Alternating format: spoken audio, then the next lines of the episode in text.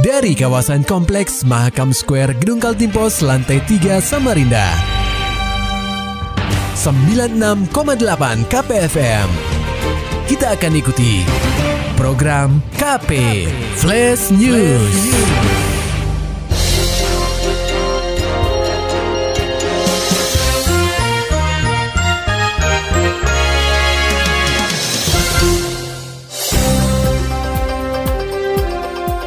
Anda sedang menyimak program KP Flash News bersama saya, Agung Pratama. Pendengar KP baru melahirkan bayi perempuan dibuang ibu kandung di perumahan Samarinda Hills. Laporan selengkapnya akan disampaikan reporter KPFM Samarinda, Muhammad Nur Fajar.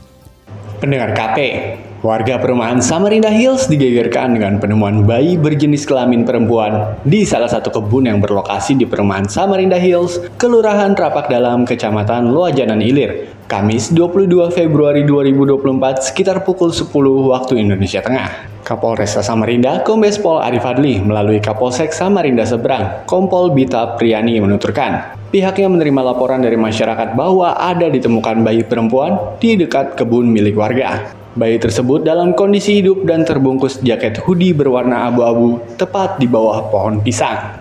Sang bayi pun segera dibawa ke bidan terdekat untuk dibersihkan dan diberi air susu ibu atau ASI. Kemudian bayi perempuan itu dibawa ke RSUD IA Muiz untuk mendapatkan perawatan. Pihak kepolisian pun segera melakukan olah TKP untuk mencari tahu siapa yang membuang bayi tersebut.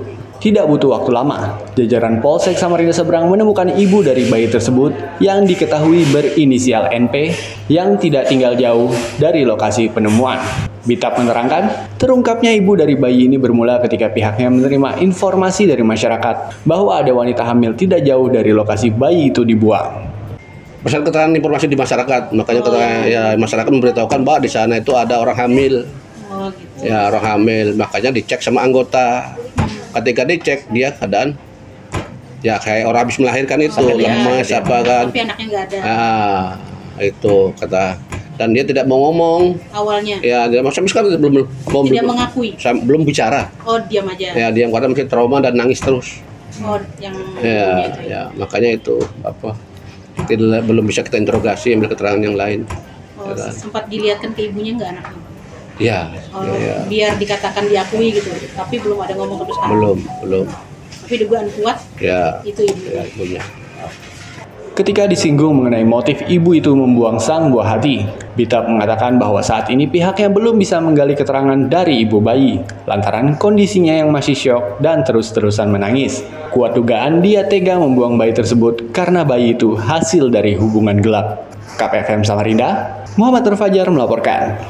Berita selanjutnya pendengar KP Dinas Kesehatan atau Dinkes Kaltim mencatat ada sekitar 245 petugas kelompok penyelenggara pemungutan suara atau KPPS di benua Etam yang mengalami sakit usai bertugas saat pemilu 2024 berlangsung pada 14 Februari lalu. Kepala Dinkes Kaltim Jaya Muailimin memaparkan sebagian besar penyebab KPPS sakit karena kelelahan sehingga menimbulkan gangguan kesehatan mulai dari mah hingga kelelahan di mana mereka rata-rata dirawat di rumah sakit dan dirawat jalan. Tidak hanya itu, dua petugas pengamanan TPS atau PAM TPS dilaporkan meninggal dunia usai pelaksanaan pemilu 2024. Adapun dua anggota PAM TPS yang meninggal berdomisili di Berau dan Samarinda. Jaya menjelaskan sebenarnya Dinkes sudah mengimbau kepada tiap petugas untuk menjaga kesehatan. Selain itu, pihaknya telah menyiapkan petugas kesehatan yang berkeliling serta memantau keadaan kesehatan petugas untuk meminimalisir jatuhnya korban saat pelaksanaan pemilu baik dari KPPS maupun PAM TPS. Dinkes berapa Banyak. Jadi kan karena kelelahan maka mereka mengalami beberapa, beberapa gangguan kesehatan ya.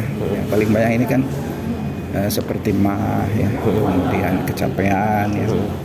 Ada ada yang dirawat, ada yang cuma dirawat di UGD, ada yang rawat jalan gitu. Tapi yang untuk KPPS sama PPS itu, alhamdulillah tidak ada yang meninggal ya. Oh, untuk di Kaltim tidak ada pak ya? Nggak ada, cuma satu.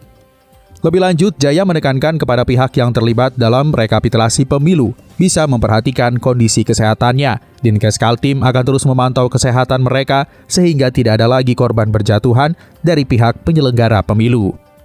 Pendengar KP, kinerja perbankan Kalimantan tumbuh positif. Pertambangan sumbang terbesar kredit korporasi. Laporan selengkapnya disampaikan reporter KPFM Samarinda, Maulani Alamin.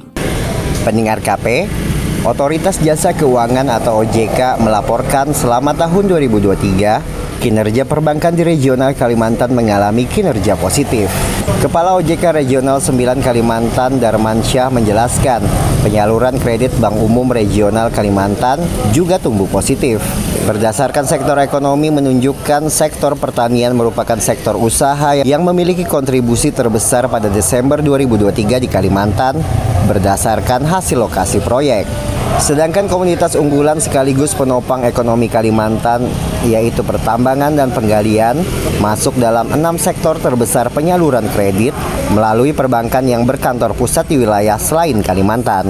Untuk uh, perekonomian di Kalimantan tumbuh positif di TW uh, triwulan 4 ya 5,48 persen ini di uh, yang kuning uh, sedikit lebih tinggi dibandingkan pertumbuhan ekonomi nasional 5,04 jadi uh, secara regional kita di atas rata-rata uh, nasional ya dalam laporan OJK tersebut, Provinsi Kalimantan Timur menyumbang pertumbuhan ekonomi sebesar 46,83 persen.